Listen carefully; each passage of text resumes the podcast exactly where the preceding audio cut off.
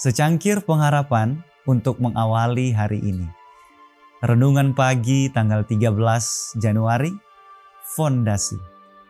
1 Korintus 3 ayat 11. Karena tidak ada seorang pun yang dapat meletakkan dasar lain daripada dasar yang telah diletakkan, yaitu Yesus Kristus.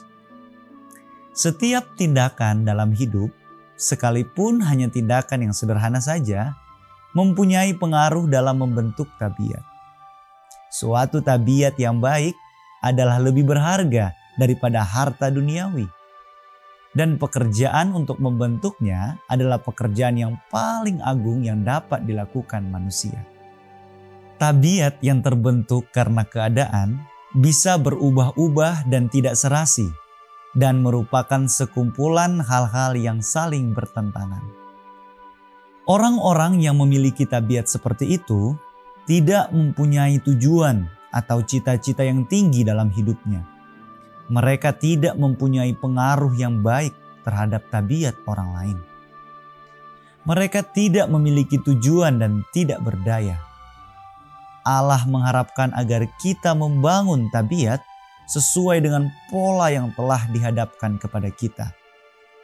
Kita harus menyusun bata demi bata sambil menambahkan anugerah kepada anugerah dan mencari titik-titik kelemahan kita serta memperbaikinya sesuai dengan petunjuk yang telah diberikan. Bila mana sebuah retak terlihat pada dinding dari sebuah rumah, kita tahu bahwa ada sesuatu yang salah dengan bangunan itu. Di dalam pembangunan tabiat kita, retak-retak sering terlihat kecuali kerusakan-kerusakan ini diperbaiki, maka rumah itu akan roboh bila mana topan ujian menempuhnya. Allah memberikan kepada kita kekuatan, kuasa untuk berpikir, waktu, supaya kita bisa membangun tabiat yang di atasnya ia dapat membubuhkan cap persetujuannya.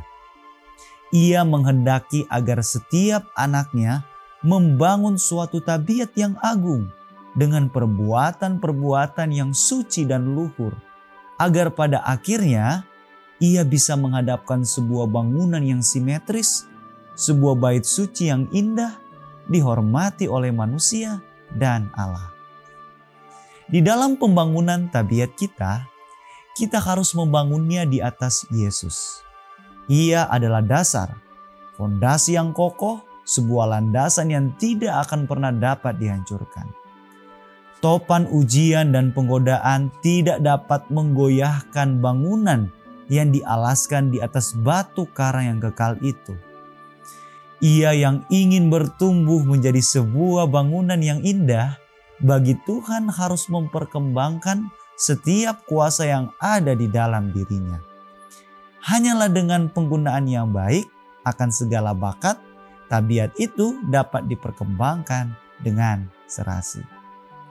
Dengan cara demikian, sebagai bahan-bahan untuk landasan itu, kita menggunakan hal-hal yang digambarkan dalam firman itu sebagai emas, perak, batu-batu berharga, yaitu bahan-bahan yang akan tahan terhadap ujian api Allah yang menyucikan itu.